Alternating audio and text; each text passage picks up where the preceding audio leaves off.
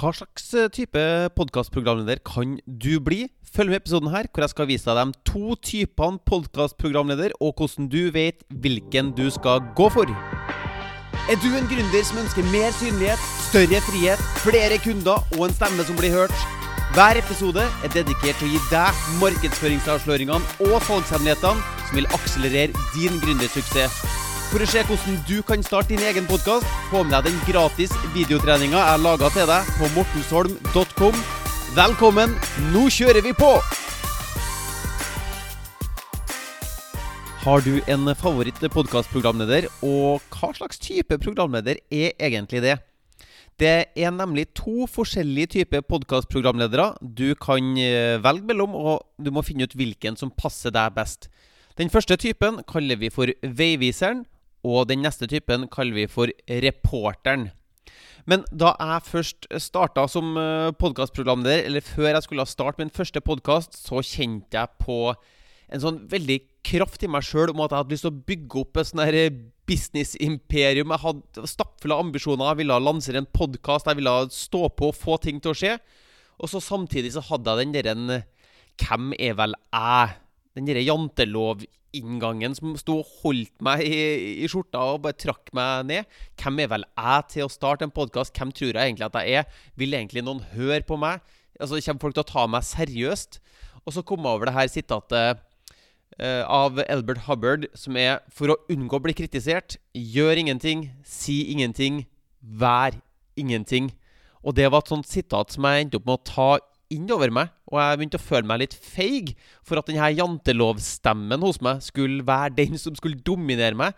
Jeg ville mye heller at denne ambisiøse sida mi skulle tre frem.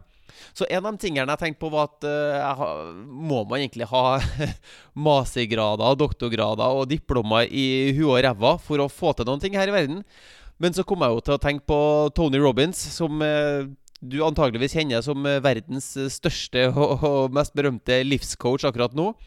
Hans opprinnelse var jo at han starta på et eh, NLP-kurs, som er en sånn måte å, å, hjelpe folk på. Og da han lærte seg de første NLP-teknikkene, så sprang han rett over gata inn på McDonald's, har jeg hørt at det var, og begynte å hjelpe folk der. Og de som leda kurset, de satte jo ikke pris på det her, for han praktiserte uten diplomen sin. Eh, uten å være autorisert, så de tuppa han ut av kurset. Så den største livscoachen vi har her i eh, verden, han har ikke den her eh, diplomet eller autorisasjonen som livscoach, men det går an til å utrette ting likevel. Og så har jeg sett en film som heter 'Catch Me If You Can'. Som er en, Den er basert på boka da, om Frank Abignale. Og Frank, Frank Abignale det var en mann som for rundt og lurte folk hele livet. Eh, con artist kaller de det vel i Amerika. Og en av de uh, greiene han gjorde, var at han gikk til et uh, universitet, satte seg inn i forelesninga, og så oppdaga han at det ikke kom noen foreleser. Så han gikk frem til kateteret helt forrest i forelesningssalen og begynte å undervise og late som at han var eh, foreleseren. Og det her holdt han på med gjennom et helt semester. Han underviste på universitetsnivå et helt semester. Men uh, den dagen han ble uh, tatt, så spurte jo politiet hvordan klarte du egentlig å bare helt ufaglært gå fram og undervise på universitetsnivå. Og da sa han som sant var at uh, han hadde bare lest i pensumboka han, og holdt seg ett til to kapittel foran alle studentene til enhver tid. Sånn at han lå litt lenger fram i løypa enn alle andre. Så da tenkte jeg også at uh, man må kanskje ikke være verdens eh, superbeste, eneste toppekspert uh, på det feltet her.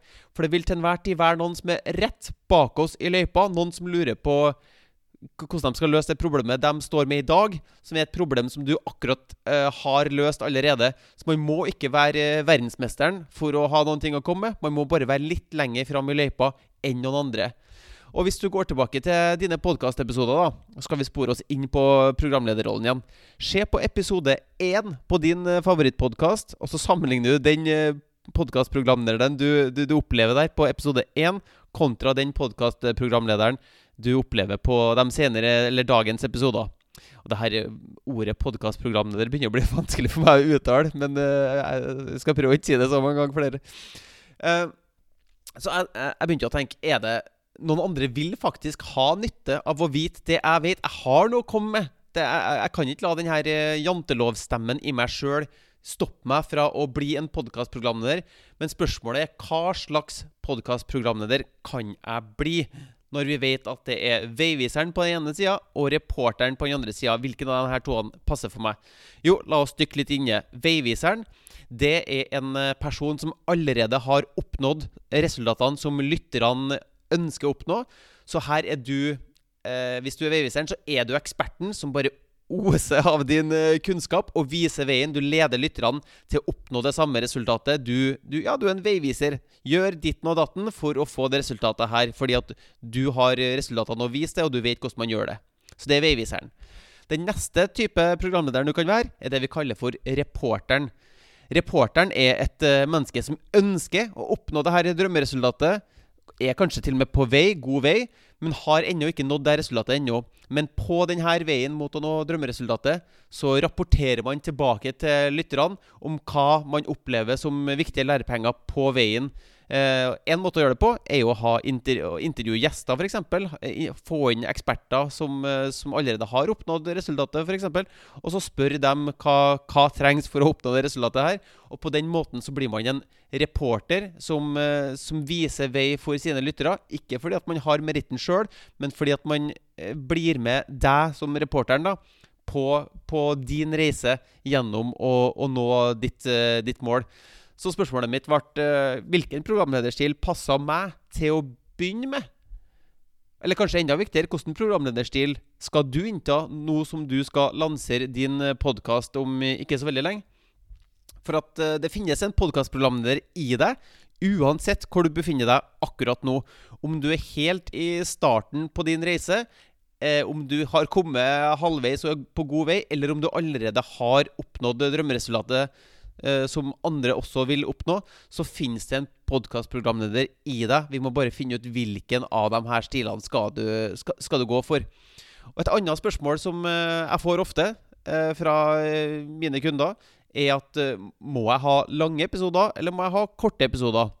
Så hvis vi hopper inn i en av de mest populære podkastene i verden akkurat nå, når jeg spiller inn det her i 2020, så er det eh, Joe Rogan Experience som er en av de mest populære podkastene. Han er en eh, tidligere idrettsutøver som intervjuer store, store viktige mennesker.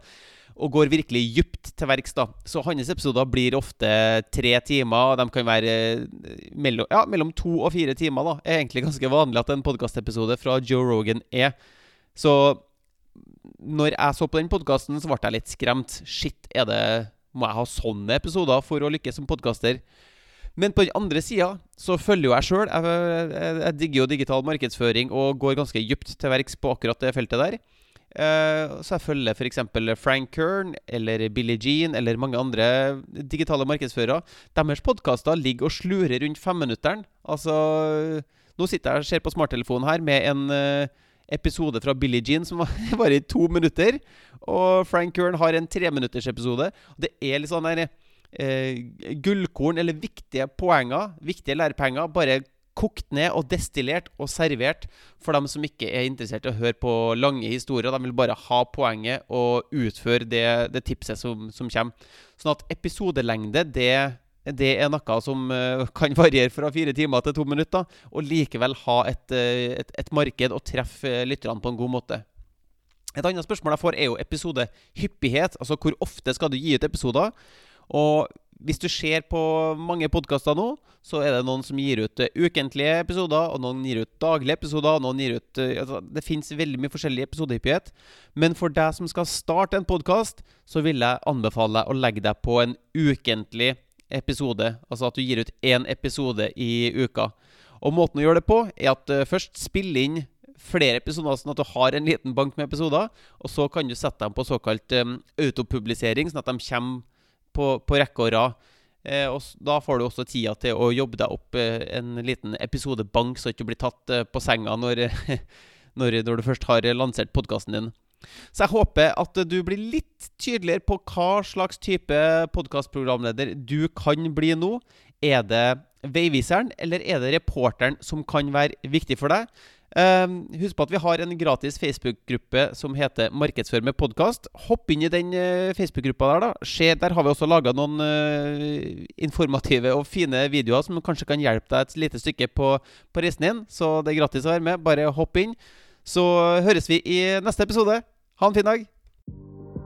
Hvis du vil lansere din egen podkast, sørg for å gå til mortensholm.com for å se den gratis videotreninga. Og hvis du vil ha flere episoder som det her, trykk på abonner-knappen, så høres vi i neste episode.